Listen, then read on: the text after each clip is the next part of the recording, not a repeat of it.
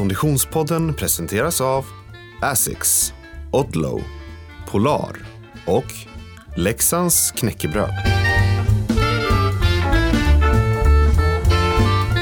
Hej och välkommen till Konditionspodden. Vi är framme vid avsnitt nummer tre denna nionde säsong och jag som pratar heter Frida Zetterström. Hej Oskar Olsson. Hej Frida Zetterström. Hur är läget? Ja men det är kanske lite sådär. Är det sant? Ja. Vadå då? Nej, livet utmanar mig. Okej, Ja. okej, okej. okej. Men så är det ju alltid, det kan ju inte alltid vara bra. Nej, det är, ja, det är ju förvisso rätt i. För att, och sen är det här väl ingen ett, ett, ett terapipodd så jag kanske inte ska gå in i, i djup, för djupt. Men, Nej, det kan vi ta när vi har stängt av då helt enkelt. men som vanligt så ser jag livet med mening och det som vi får möta möter vi alltid av en orsak. Så att eh, jag hittar orsaken och meningen. Okej, bra, bra. Eh, träningsmässigt då, hur, är, hur, är läget där? Jo men det är ju eh, alltid en del av mitt liv. Även om den eh, såklart också påverkas av övriga livet. Och för mig är träning, även om många kanske inte tycker det utifrån, så är den väldigt lustdriven och ja, det ska kännas rätt och, och, och som sagt meningsfullt för mig. Och när det ibland är tuffare perioder i livet så, så, um, så kanske jag tränar lite mindre och den får lite mindre fokus och, och så får det bara vara. Men eh, jag ehm, det var ett lokalt eh, trailerlopp som eh, skapade lite extra eh, ändå så här, motivation att komma ut på, på träningsrundan i helgen. Så eh, Magra IS, en gammal anrik skidklubb i Västra Götaland eh, som jag faktiskt, eh, där jag började min skidkarriär. Om vi, vi pratar mycket om, om mina min skidförsök eh, försök här att lära mig åka skidor och eh, det var där någonstans det började faktiskt eh, med min styvfar som, som nu är framliden. Tävlade, jag gjorde säkert 20 Vasalopp för Magra IS. Och, ja, så jag, jag känner till trakterna lite, inte just den här banan och, och, och anmälde mig så att jag, jag sprang eh, 7-8 kilometer dit och så körde jag loppet, sen sprang jag hem och eh, det var jätteroligt. Bra, det var några duktiga löpare så jag, jag lyckades till slut komma undan med, med vinsten men eh, den satt långt inne och jag fick eh, jobba hårt i många minuter i röd zon för att eh, hålla undan bakåt. Men eh, det var roligt, roligt traillopp, eh, så lite, lite så gräsrotslopp. Eh, Bra. Och, eh, ehm, eh, välsnitslat. Vi har pratat om det i swimrun och, och olika sådana eh, sammanhang och sådär. Och, eh, eh, det gick att hitta trots eh, eh, väldigt höga pulsslag och lite syre i hjärnan. Så, så um, och häftigt, eh, mysigt, eh, trevligt lopp.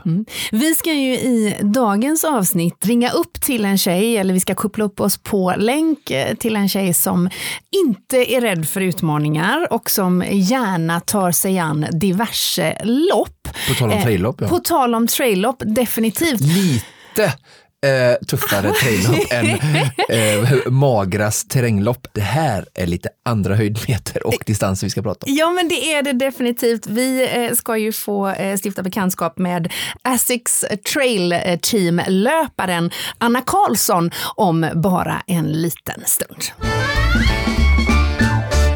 Vi är så himla glada att vi har med oss Leksands knäckebröd under eh, de här avsnitten. Och alltså helt ärligt Oskar, just idag är jag lite extra glad. Ja, Jag är nämligen korrhungrig. jag med. Jag var åt ingen lunch, jag, jag, jo, det gjorde jag med, men jag, är- jag är hungrig ändå. Ja, Okej, producent Niklas, är det okej om vi eh, öppnar här lite eller? Ja, men det är väl en unboxing som du kallar det, eller? Just det.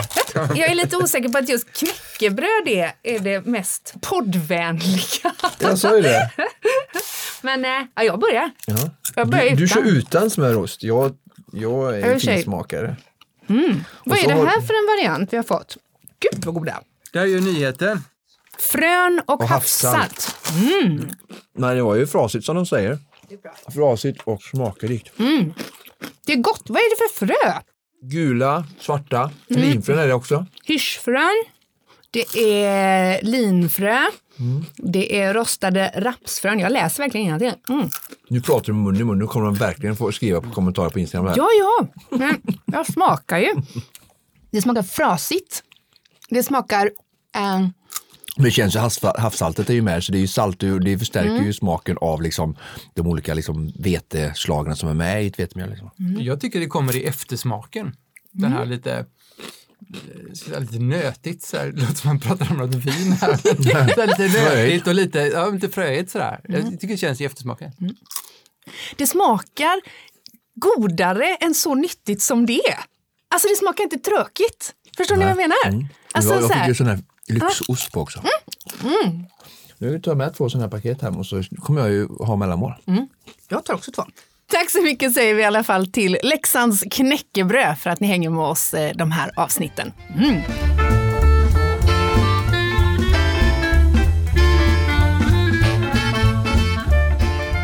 Det är alltså då dags, eh, Oskar, att ringa upp det här avsnittets huvudperson, nämligen eh, Anna Karlsson. Och, och här handlar det om traillöpning. Ja, hon är med i Asics Trail Team så att eh, eh, ambitiös och eh, inte hållit på så länge som jag har fattat det, Nej. men verkar ha väldigt talang för det med, med löpning och springa långt och upp och ner. Mm, och gärna på fjället. Ja. Direkt från Hälsingland har vi Anna Karlsson. Hej Anna! Hej! Hur är läget? Jo, men det är väl väldigt bra måste man väl säga. Jag älskar hösten så att uh, det här är prime time. Du, du, älskar hösten, du älskar uppenbarligen att vara i den svenska naturen på hösten. Om man hänger med dig på Instagram så har man ju liksom fått ett, sånt, liksom ett reklaminslag från Sveriges vackraste fjällnatur den senaste tiden. Vad är det du har gjort uppe i Abisko? Eh, jag bor ju i Abisko ganska stor del av året. Eh, så att jag har egentligen dubbelt boende. Så att jag har väl egentligen varit hemma, men jag har ägnat väldigt mycket av tiden åt att eh, träna eller helt enkelt vara ute på fjället. Så det har inte mm. varit alls för betungande kan man inte påstå. och du har ofta med dig dina hundar ute på fjället? Ja, på, på mysrunden eller vad man ska säga, på återhämtningspassen så har jag ofta med dem. Mm. Det är ju knappast mysrundorna eh, eh eller hundarna som har eh, skapat den atlet som vi ändå eh, kan konstatera att du är. Men Anna, för den Konditionspodden-lyssnare som inte känner till dig och din löparkarriär, i korthet, när började och var befinner du dig nu i löparkarriären? Jag måste nog säga att det började med mysrundor, så att på ett sätt så har nog faktiskt just mysrundorna skapat den jag är idag. Men jag började springa lopp, eller ultralopp, 2017. Mm. Så för fem år sedan. Och eh, det började med ett lopp som heter Swedish Alpine Ultra och gick på hemmaplan. Så Kungsleden mellan Nikkaluokta och Abisko. Och eh, jag insåg väl ganska snabbt att det här med ultra var ändå rätt kul. Så efter det så har det egentligen mest flyttat på. Jag har testat lite av varje. Men eh, tycker det är roligast med, med trail och framförallt egentligen fjäll och bergsmiljö kan man väl säga. Mm. Dialekten vittnar inte helt och hållet om Abisko, att du är född där? Eller? Nej, jag är från Hälsingland från början. Okay. Jag har bott på mm. ganska mycket olika ställen. Så att, eh, mm. Jag har bott nere i Skåne också, så det har varit ganska spritt ändå. Mm. Men du, jag dristar mig till att tro att eh, 2017, eh, fem år sedan, det var inte då du började springa? Nej, det var det inte. Eh, jag har ju alltså tränat mer eller mindre hela mitt liv kan man väl säga. Men jag har liksom aldrig varit en löpare eh, överhuvudtaget och jag ser mig fortfarande inte som en löpare faktiskt. Vad ska till för att du ska se dig som en löpare undrar jag i mitt stilla sinne? Nej, men det tror jag faktiskt inte att jag kommer göra någon gång, utan jag är nog bara eh, Ja, men jag är bara hyfsat bra på att förflytta mig i lite olika tempon. Så att, nej, det här med, med löpare det kommer jag nog aldrig kunna identifiera mig med. Okej, okay, men då kan vi, vi kan konstatera att du är tillräckligt mycket löpare för att ingå i Essex eh, trail team eh, som atlet. Eh, det vet ju eh, och det vet ju de flesta av våra lyssnare att det, det krävs eh, en hel del meriter för att hamna där i alla fall. Ja, nej, men det har gått ganska bra eh, får jag väl ändå säga. Framförallt som sagt på längre distanser när det inte handlar lika mycket om bara löpningen utan det handlar rätt mycket om andra grejer också det var ingenting jag planerade när jag sprang mitt första lopp, utan det, var, det sprang jag helt enkelt bara för att se om jag kunde springa så långt överhuvudtaget. Eh, det var 107 kilometer. Ehm, och sen sprang jag Kullamannen 100 miles året efter. Och det var min första 100 miler. Mm. Och då vann jag det loppet och då kände jag väl någonstans att ja, men jag tror att det här med lite längre ultra passar mig väldigt bra. Wow! Vad, vad var reaktionerna då när du kom från kan man säga ingenstans eller du kanske var tämligen okänd för Trail-Sverige och så kommer du och vinner ett sånt där så pass ändå stort lopp som mm. Kullamannen är? Eh, men det vart, eh, det, det vart nog ändå lite reaktion på det tror jag, i och med att det, det var också ett reportage om det på SVT. Så att jag fick nog ändå rätt mycket uppmärksamhet Mm. mycket mer än vad jag var van vid, vid den, på den tiden i alla fall. Mm. så det var, det var kul. Mm. men det inte, har inte varit egentligen några konstigheter på så sätt, utan jag känner mig fortfarande exakt så som det var från början, eller vad man ska säga. Vet du, det, du, du känns som en väldigt avslappnad eh, atlet och vi har pratat mycket här i podden med olika eh, duktiga atleter med, ja, som har tränare och de kommer från olika klubbar och ja, träningsplaneringar och sådär. Hur, hur har din träning sett fram till liksom 2018 eh, och, och liksom kunna vinna Kullamannen och sen hur, hur har din, din träning utvecklats vidare sen framåt? Eh, men jag skulle säga att eh, när jag sprang mitt första ultralopp 2017, då tränade jag inte alls. Eh, jag Oj. sprang på fjället och rörde mig på fjället, men jag såg inte det som träning, utan det var liksom ja, men det var min livsstil. Mm. Sen kunde de så kallade myspassen, det kunde ju vara 3, 4, 5 mil. Liksom. Det var inte ovanligt. Men jag sprang liksom inte med klocka och jag hade inga, inga målsättningar om tider och sådär.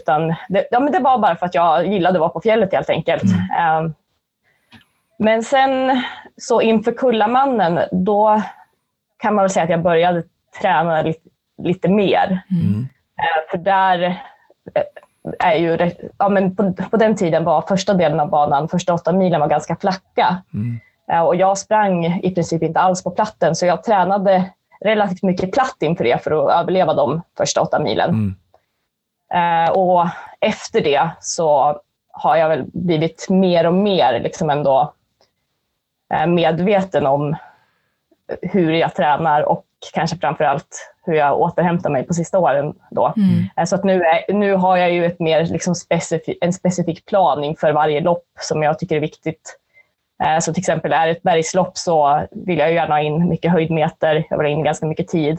Men är det till exempel ett lopp som Kullamannen, som Kullamannen i fjol, det är ju fortfarande ett traillopp men det är ändå ganska snabbsprunget i jämförelse med till exempel ett väldigt kuperat lopp. Så där behöver man också träna på ändå på just löpningen mm. på, ett annat, på, ett annat, sätt också. Eh, så att jag, jag varierar träningen ändå mm. Eh, ganska mycket beroende på vad jag satsar på just nu. Och sen så gillar jag att ha struktur, men sen har jag också insett att jag behöver verkligen ha de här dagarna och eh, korta perioder när jag får göra exakt som jag vill. Och det kan vara att eh, vila om jag behöver det då. Eller så kan det vara att springa en hel dag på fjället men liksom utan, utan någon målsättning med det. Det är liksom det som gör att jag, att jag bibehåller glädjen. Och har jag, tycker jag inte att det är kul eh, på det stora hela så kan jag lika gärna göra någonting annat. Mm.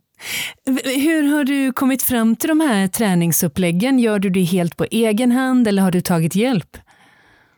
Jag har eh, en som jag bollar med en del, men jag eh, lägger upp passen själv. Och jag ska inte säga att jag, att jag, att jag går efter dagsform, för det gör jag inte, för då, då vet jag inte om det skulle bli så mycket gjort faktiskt. Eh, men jag, har väl ändå, jag gör ändå ett, liksom en planering inför veckan som kommer, eller vad man ska säga. Och den gör jag själv. Mm. Och sen får man justera lite i det också.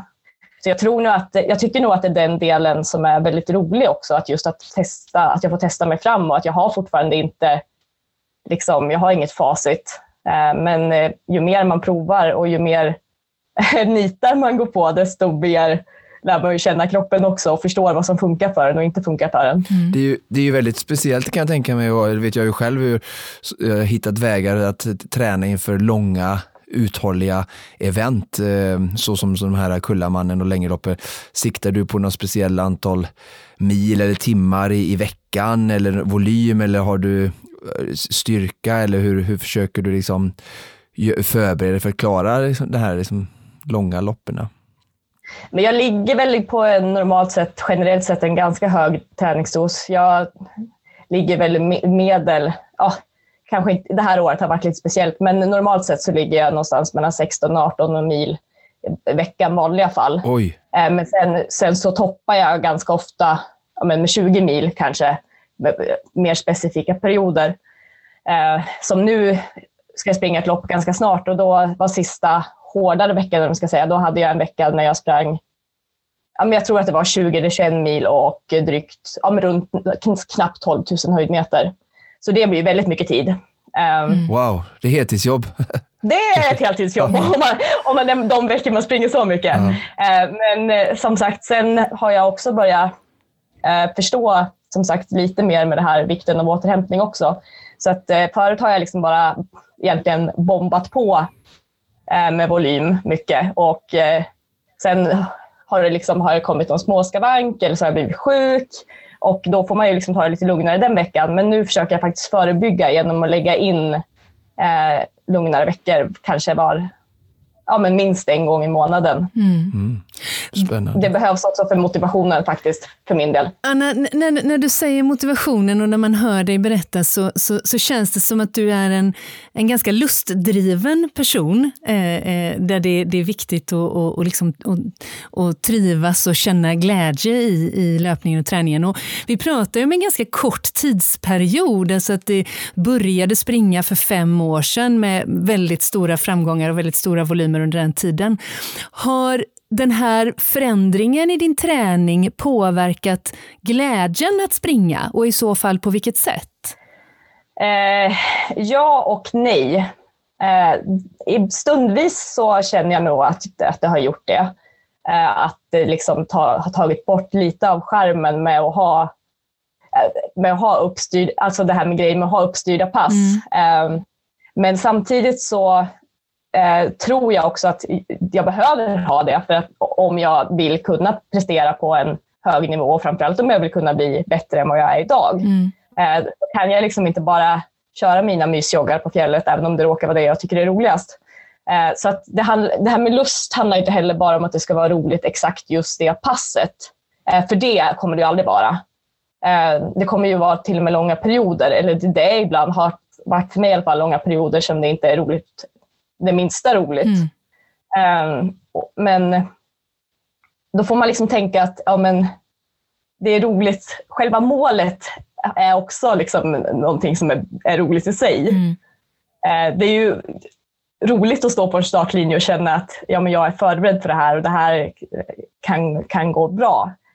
Det är mycket roligare än att känna att hoppsan, varför, varför, varför tränar jag inte som jag skulle? Liksom? Just det, just det. Det finns ju många startlinjer som vi skulle vilja prata med dig om. Eh, vi har berört Kullamannen eh, som du vann 2018, som du även vann 2021. Men vi var i kontakt med dig första gången eh, för, nu vet jag inte exakt hur lång tid sedan det var, det var men det är ju månader sedan när du precis skulle starta i något som kallas för Barkley Marathon.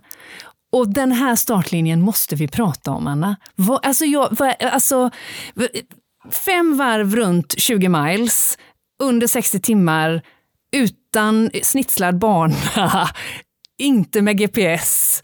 Alltså berätta om Barkley Marathon. Då, då vill jag ju börja med att säga att det blev ju absolut inte fem varv för min del och det blev ju inte det för någon det här året utan för min del så blev det ett och ett halvt varv så det är ju en ganska kort del av, eh, av det, det, ja, Just det. hur långt jag egentligen borde ha sprungit kan man väl säga. Ehm, men eh, det...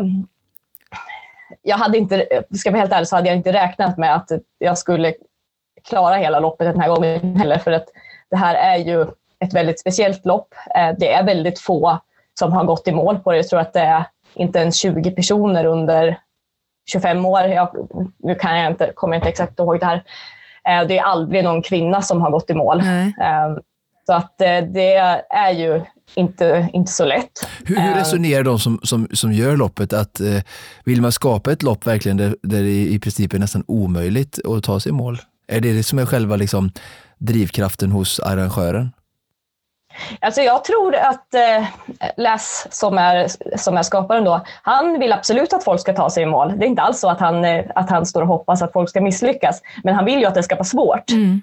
Eh, Men det är ju inte omöjligt heller, för det finns ju folk som har klarat det och som klarar det. Men det, det kräver ju, för, för de flesta så kräver det ändå att du, att du tränar på själva loppet. Det innebär att du åker dit Just det. och så gör du bort dig kanske lite grann, eller inte gör bort dig, men du gör, det blir liksom inte så himla bra första gången. Det kanske inte blir så himla bra andra gången heller, men man får liksom lära sig allt eftersom. Så varje gång gör man lite bättre. Så jag tänker att det är mer liksom en, Mm.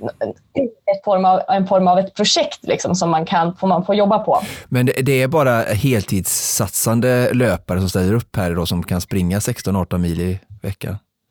Nej, det här är väldigt, ganska blandat faktiskt med folk. Eh, man, det är ju en hemlig ansökningsprocess. Mm.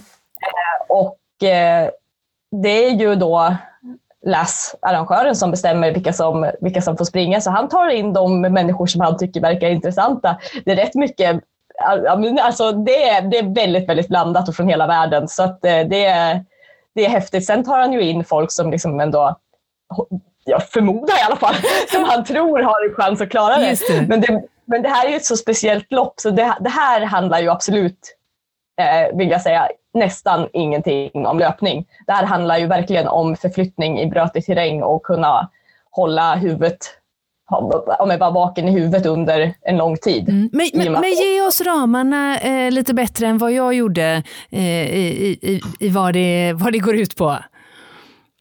Eh, det går väl kort och gott ut på att eh, hitta böcker och samla sidor ur de här böckerna. Ja. Hitta böcker? Ja, för okay. här, här, kom även ett, här kom även ett orienteringsmoment eller en skattjaktsdel in i det. Aha. Och det är väl i relation till din nummerlapp, eller hur? Sidorna du ska hitta? Jajamän, eh, så det är ju som sagt fem varv. Och när man går ut på första varvet så man har man har ett nummer eller man har en nummerlapp. Ja. Och då kommer jag inte ihåg exakt hur många böcker det är, men det är ett antal böcker du ska samla sidor ur mm. längs vägen. Eh, du, du, får liksom, du får rita din egen karta och sen får du, har du liksom lite, får du lite information och sen ska du helt enkelt försöka hitta de här böckerna utifrån, utifrån det. Eh, så när du, när du hittar en bok, du ska också hitta dem i rätt ordning, eh, så river du ut den med samma sida som det står på din nummerlapp så har jag nummer 22 så river jag ut sida 22 och sen så gör man exakt likadant med alla böcker det varvet. Sen lämnar man in sidorna. Det är varvet och, och hur ett varv var 20 miles, alltså 32 kilometer. Ja, det, det där är väldigt oklart. Okej, okay. jag bara så att lyssnarna förstår.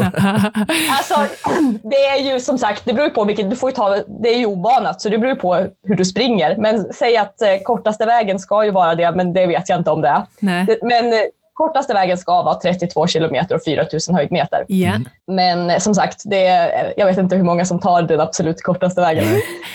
Ja, men sen kommer man tillbaks eh, till varvning och så lämnar man in sina sidor och eh, det blir kollat så att man har alla. Eh, har man tappat en, då är man ute. Och sen får man en ny nummerlapp och så gör, ska man göra likadant då nästa varv. Mm. Det är samma varv hela tiden, men man vänder håll. Ibland kan det vara så att du kör två varv åt samma håll och sen ett varv. Men böckerna ligger inte på samma ställe då, eller kommer du ihåg exakt var böckerna... Så då kan du bara gå tillbaka Nej. då? Ja, men det skulle man kunna tro att det är bara att göra så. Bara det att eh, de här bokskogarna, de ser, det ser exakt likadant ut överallt. Eh, och förutom i mörkret, för då ser ingenting exakt likadant ut. Eh, så man tycker att det liksom borde vara jättemycket lättare att hitta de här böckerna andra varvet. Eh, men det konstaterade jag i alla fall att eh, när vi påbörjade andra varvet och det blev mörkt så var det, och det var dimma och man inte såg liksom mer än två meter framför sig, då var det inte ett dugg lätt att hitta de där böckerna. Det spelar ingen roll att vi redan hade, att vi hade hittat dem en gång. Sen kommer ju den här aspekten med sömnbrist in mm. och även att du blir fysiskt trött. Eh, efter 40 timmar så är, kanske du inte är lika eh, pigg och rask i huvudet längre och då blir det också lite svårare det här med navigeringen. Mm. 40 timmar, du gjorde ett och ett varv och du var ute i 40 timmar. Nej, jag var inte ute i 40 timmar, Nej. men tänk dig liksom att eh, efter, om mm. du har varit ute i 40 timmar mm. Mm. Eh, så kan jag i alla fall tänka mig att jag har sprungit över 40 timmar på backyard till exempel, men då var ju det en uppmarkerad bana och det var ju verkligen exakt samma varv varje gång. Men här måste du ändå tänka själv och en, ett varv tar ju liksom ändå mer än 10 timmar när du har blivit trött, kanske till och med 15 timmar. Och där är du liksom ensam i skogen. Ja. Men Anna, det, det, det må låta som en, en, en, en konstig fråga, men jag dristar mig till att tro att fler Konditionspodden-lyssnare tänker densamma. Vad är det som lockar dig med just det här? Just Parkley och, och, Marathon? Och de andra. ja, men jag gillar ju äventyr. Ja. Eh, och faktiskt, jag tycker att det är roligt att prova ja, men, allting som jag inte, eller jag ska inte säga att allting som jag inte provat förut, för det inte, men jag tycker det är kul att prova nya saker. Underbart. Och Barkley Marathons är ju ändå ett väldigt mytomspunnet lopp. Eh, och det var ett sånt lopp som jag visste om redan innan jag sprang min första ultra och tänkte att oh, fy fasiken vad häftigt, men det där kommer jag ju aldrig få springa. Liksom. Mm. Så det har ju på något sätt varit en omöjlig dröm tills det inte var en omöjlig dröm längre. Så att eh, det har varit väldigt mycket upplevelsen som har lockat mig. Och, men ska jag springa igen så är det inte bara upplevelsen som lockar mig, utan då vill jag fasiken göra det betydligt bättre än vad jag gjorde den här gången. Okej. Okay. Kommer du springa igen? Kommer du ansöka igen om vi börjar i det hörnet? Eh, det kommer jag göra, men inte till nästa år. Nej. Okay. Var det, kan man se, du sa det lite så här, um, som i den här processen nästan som att det nästan ingick i att klara loppet så ingick det kanske två, tre liksom, år där man får pröva. Jag tänker mm. om människor skulle köra Vätternrundan eller, eller Ironman som vi pratar om eller Vasalopp. Så här att, ja, men du får nog räkna med att de första två, tre åren, då får du liksom testa, åka, anmäla dig, åka loppet. Du kanske bara kommer sex mil, men du får komma tillbaka igen nästa år och försöka igen. Och är det så här att du tänker så här att nu ska jag klara tre varv nästa år, eller med tanke på att det bara är då 20-25 personer klara, eller hur, hur, hur deltagare som har varit med och som anmäler sig, är det liksom verkligen vanligt så här att folk testar liksom om och om igen och känner att de kommer ett varv, tre varv, fyra varv till slut så, så är det några som verkligen klarar det då liksom och så blir såklart otroligt euforiska över att ha, ha klarat det här mytomspunna loppet? Jo, men det är nog väldigt ofta så det faktiskt går till. Det är väldigt många som kommer tillbaks år efter år eh, mm. och eh, gör det förhoppningsvis lite bättre än förra gången. Mm. Men det, beror också, mm. det är också väldigt mycket väder, väderberoende. Vissa år är det ju väldigt tufft. Har vi sagt exakt var detta ligger och vad temperatur och när på året? Eh, det ligger i Tennessee och i år så gick det i mitten på mars, men det varierar lite, men det går på våren. Mm. Och vi hade strålande solsken eh, på dagen, men sen hade vi eh, men, minusgrader, och, eller, eller runt nollan kan man säga. Det var snöblandat regn och eh, blåst och dimma på natten. Så att, eh, Oj. Och det är inte super, det, och ibland vissa år så ligger det ju ja, men, decimeter snö också. Så att det, det kan vara allt. Det är, lite, det är lite grann som fjällväder. Det kan verkligen svänga fort. I... Så himla svårt att hitta de där vita sidorna i snön. Alltså. det, är ju ändå en bok, men det var ja, faktiskt kul. För i år så eh, var det en fransman som sprang. Han har sprungit flera gånger tidigare och han hade verkligen tänkt att han skulle klara det. Eh, men så på andra varvet så det blåste ganska mycket så höll han, drog han ur sidan ur boken och så blåste den iväg. Nej! Och det var mörkt så han, han hittade den ju aldrig. Så han, var, han fick ju bara ta sig tillbaks. Och, för det, då är man ju körd liksom. Så det var jätteroligt. Nej, men, alltså Jätteroligt. Det... Men boken då? Stackars nästa person ska hitta boken. Jo, men boken finns ju kvar, men inte ja. hans sida. Ja, det var sidan som blåste iväg. Jag tror det var boken. Alltså, Förlåt. Det är, det, det, är så mycket en bild av Harry Potter i mitt huvud just nu. ja, ja, det är fantastiskt. Det är jag har fattat som att det finns någonting på Netflix om detta också. Ja, det finns en, eh, en dokumentär eh, som är faktiskt väldigt bra. Och, eh, där, och tittar man på den så måste man faktiskt nästan bli inspirerad av att eh, försöka sig på det här. Underbart. Ja, då kan folk hitta mer ja. information där då och se. Söka mer om häftigt. Barkley Marathon. Ja. Alltså. Häftigt, ja. Häftigt. ja, fantastiskt. Så, som ett led i, i din eh, eh, passion för den här sortens lopp så är ditt nästa lopp dårarnas diagonal. Berätta, det är bara två, när vi spelar in det här är det två veckor kvar till start. Och, och, då, och nu byter vi setting, nu släpper vi snöblandat eh, eh, regn Harry i, och Harry Potter i Tennessee och hamnar i någon form av tropisk eh, paradisvärld. Jajamän, det här loppet går på Reunion Island, så det ligger ja, men som sagt, hyfsat nära Madagaskar och Mauritius. Just det, den, nu hamnar vi i Peter Pan istället. Ja, det, är, det är en vulkanö och man springer inte på sina vulkaner, men man springer i princip tvärs över hela ön. Så ja. det är 165 kilometer och 10 200 höjdmeter. Men jag hoppas en markerad bana den här gången. Okej, okay, bra. 100 miles eh, sa vi distansen alltså? Ja, Ja. Och det är, ja, som sagt, jag har aldrig varit där så, och, så jag har egentligen ingen aning om hur det ser ut. Jag har försökt jag har tittat på alla YouTube-filmer som finns och försökt läsa mig till och läsa folks eh, lopprapporter och sådär. Men det är ju svårt, svårt att bilda sig en uppfattning. Men det ska i alla fall vara, det sägs vara ett av världens absolut tuffaste 100-milslopp. Mm. Eh, vi får se. Och vad är det som lockar med just Dårarnas diagonal, förutom en oerhört cool titel? Ja, men det är nog också ett sånt där lopp som har varit lite av ett drömlopp för mig. Um, och jag hade inte alls tänkt springa det i år, men uh, av diverse olika anledningar så har hela det här året efter Barkley uh, gått åt helvete. uh, så att det här är helt enkelt uh, någonting som jag bara gör för att det för att det är roligt. Eh, ja. Och jag har ingen annan ambition med det här loppet än att eh, om möjligt försöka ta mig till mål. Mm. Hur, hur, ser startfältet ut? Är det prestige eller är det mycket konkurrens? Eller? Eh, det är ganska prestigefyllt eh, och bland annat Courtney Dawater, ja, men världens bästa ultratrail-löpare på damsidan, eh, ska starta.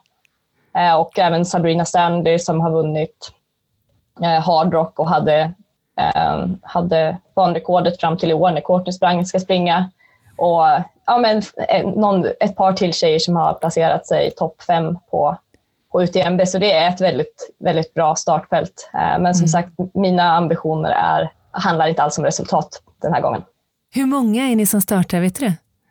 Det, det ska vara över 2000, så det är rätt många. Mm. Mm, så det är ett stort lopp. Ja, spännande. Wow, lycka till. Du springer ju eh, eh, som sagt i, i Essex eh, Trail Team. Eh, då är det nog eh, många av oss som undrar vad du kommer att ha på fötterna när du springer Dårarnas diagonal. Så långt? jag kommer att ha Essex Trabuco Max. Och jag mm. kommer att ha ett ah, par med mig också till. Alltså ett par av samma sko, men för att byta med om jag känner för det. Mm, mm. Har du några mer favoritskor i trail varianterna? Jag gillar eh, Foodie Light också väldigt mycket. Ja. Eh, mm. För, lite, ja, men för lite kortare, lite snabbare pass. Just det. Just det. Lite kortare och lite snabbare pass i Anna Karlssons bok kan betyda något helt annat än i Frida bok. ja, men vad spännande Anna. Två veckor kvar alltså till start. Vad, hur, eh, hur ser de här två veckorna ut? Vad, hur ser träningen ut det sista? Eh, jag har ju börjat trappa ner Eh, framför allt de längre passen blir inte mm. lika långa. Eh, jag har lagt in, lägger, lagt in, eller lägger in ganska mycket mer fart, för jag tycker om att ha lite, känna att det finns lite Ja, men lite piggare ben, vilket jag tycker jag upplever att jag får av, av fartpass. Vad innebär ett fartpass? Eh, det innebär oftast olika typer av intervaller på löpbandet faktiskt. Eh, Okej, okay. oftast igår, på löpbandet? Mm. Ja, det blir oftast det. Jag tycker att det är, mm. jag är lite lat så jag har lite svårt att hålla farten annars eh, om jag ska vara mm. helt ärlig. Och, eh, ja, men som jag, igår körde jag eh, 10 gånger 3 minuter och plus 10 gånger 30 sekunder. Och, ja. så det, oftast så är själva vet det, arbetstiden den är sällan längre än 40 minuter för mig på fartpassen. För jag är ju, har ju egentligen ingen ambition om att springa fort eh, på det mm. sättet utan det är ju mest för att eh, för jag vill ha en bättre känsla. Liksom. Mm. Och sen framför allt så lägger jag in vilodagar. Mm. Jag inte gör kanske jätteofta hel, helt, helt vila annars. Och mm. trappar ner på, på styrka, som jag också kör en del annars. Och vad, vad, när, går, eh, när avreser du mot Paradisön, som kanske inte är så Fan, eh, paradis fantastisk. Den 16, så att det är om ja, men en och en halv vecka. Så att jag har inte mm. jättemånga dagar innan, men jag har desto fler dagar efter. Ja, bra, härligt. Och om man vill följa ditt äventyr så misstänker jag att du kommer uppdatera åtminstone en del på, på Instagram, eller är det där som man, man kan följa dig bäst? Ja, men det är det Jag kommer ju inte uppdatera under loppet, men mm. eh, före och efter så kommer jag, kommer jag säkerligen uppdatera. Mm. Mm. Ja, spännande. All lycka till säger vi på, eh, eh, från Konditionspodden i Dårarnas diagonal. Det känns som att vi, vi kommer få anledning att återkomma vid tillfälle till, till den här eh, eh, eh icke sinande källan av eh, fantastiska race. Ja, vi får se. Vi får hoppas det. Vad, vad, bara vi tittar lite fram i kikaren och avslutar med eh, framtida planer, drömmar, vad vi som vill följa dig och, och lopp eh, som, som väntar. Har du några fler stora mål som du verkligen skulle vilja vinna eller bara ta dig från start till mål? Eh, ja, alltså jag har egentligen hur mycket som helst. Um, men, ja, nej, men jag, jag har det. Nej, men jag, så, har, jag fick faktiskt njursvikt, akut njursvikt efter ett lopp i våras. Därav att den här säsongen har gått åt helvete. Eh, så att det har varit, därav också att jag egentligen inte har några ambitioner eh, med det här loppet än att, än att klara, mig, klara mig i mål. För att jag vet liksom inte hur det kommer gå. Eh, så att min, mina framtida mål handlar faktiskt väldigt mycket om att jag vill beta av just bucket list races. Och de är generellt sett, ja, men jag, jag har ett lopp som heter Snowdonia som jag är väldigt sugen på, ehm, som går i Wales som jag ska springa nästa år. Ehm, jag vill gärna springa Tour de Giants, som jag inte kan uttala, eh, som är ett väldigt långt lopp som går i Frankrike någon gång. Och sen vill jag också väldigt gärna springa ett par av de här 200 mile-loppen i USA. Det finns ju så här VM i, i 100 kilometer och sådär, sådana lopp springer du inte? Nej, alltså det var efter SM i 24 timmars på plats som jag fick det här med njursvikten. Så jag tror att jag ska nog försöka hålla mig till trail i framtiden. Det passar nog mig bättre. Coolt. Faktiskt. Ja. Och, ska, och jag har också konstaterat också att ska, ska jag väl bli liksom sjuk eller vara tvungen att sluta springa på grund av någonting så vill jag fan inte be att det, bli- att det ska bero på att jag sprungit runt i 24 timmar på en och samma bana. Just det, nej. Utan du får ha en fin, vacker fjälltopp. ja. Fjället, det är någon fin miljö i alla fall. Eller liksom inte, nej. Ja, låt oss hoppas att det inte är ett scenario som vi ser i, i, i någon som helst eh, eh, närtid eller framtid överhuvudtaget, utan eh, håll dig frisk, frisk och kry och håll oss uppdaterade. Alltså, eh, Anna Karlsson, stort tack för att eh, Konditionspodden fick eh, ringa upp till eh, Hälsingland och eh, ta temperaturen inför eh, dårarnas diagonal och allt annat som väntar. Ja, men tack så jättemycket för att jag fick vara med. Lycka till! Ha det bra! Detsamma. Ja, alltså det är inte utan att man blir eh, både inspirerad och fascinerad.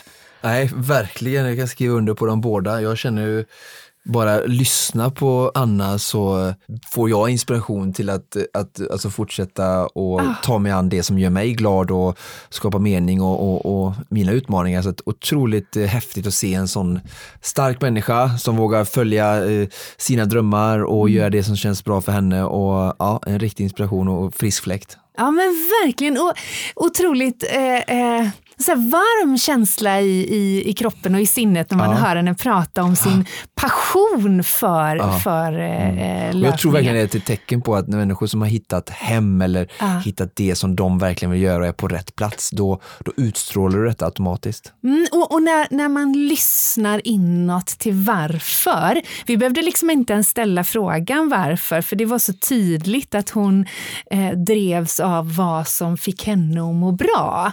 Eh, nu ska inte jag lägga ett, ett, ett svar på varför i, i, i, hennes ställe, men det var så min känsla var i alla fall av Ja, samtalet. med. Eh, verkligen, verkligen inspirerande och också väldigt roligt att, att, att, att, höra och se någon som, som väljer utmaningar som är ganska okända för den stora massan, även om det naturligtvis är, är, är en liten klick som har järnkoll på det här, så, så känns det i alla fall som att det är inte ofta du får höra talas om, om, den här sortens eh, eh, fysiska utmaningar som du faktiskt inte ens visste om. Nej.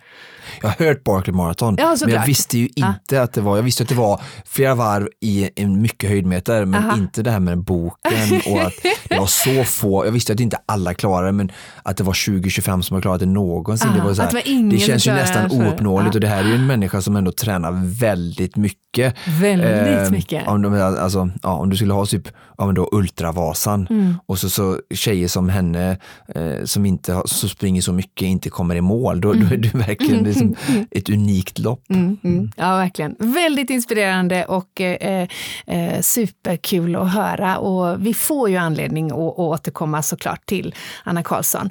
Men du, eh, vännen, det här börjar lida mot sitt slut för den här eh, veckans avsnitt. Eh, Hur ser den här träningshelgen ut för dig, framför dig? Just det, jag ska ju tävla. Du ska tävla.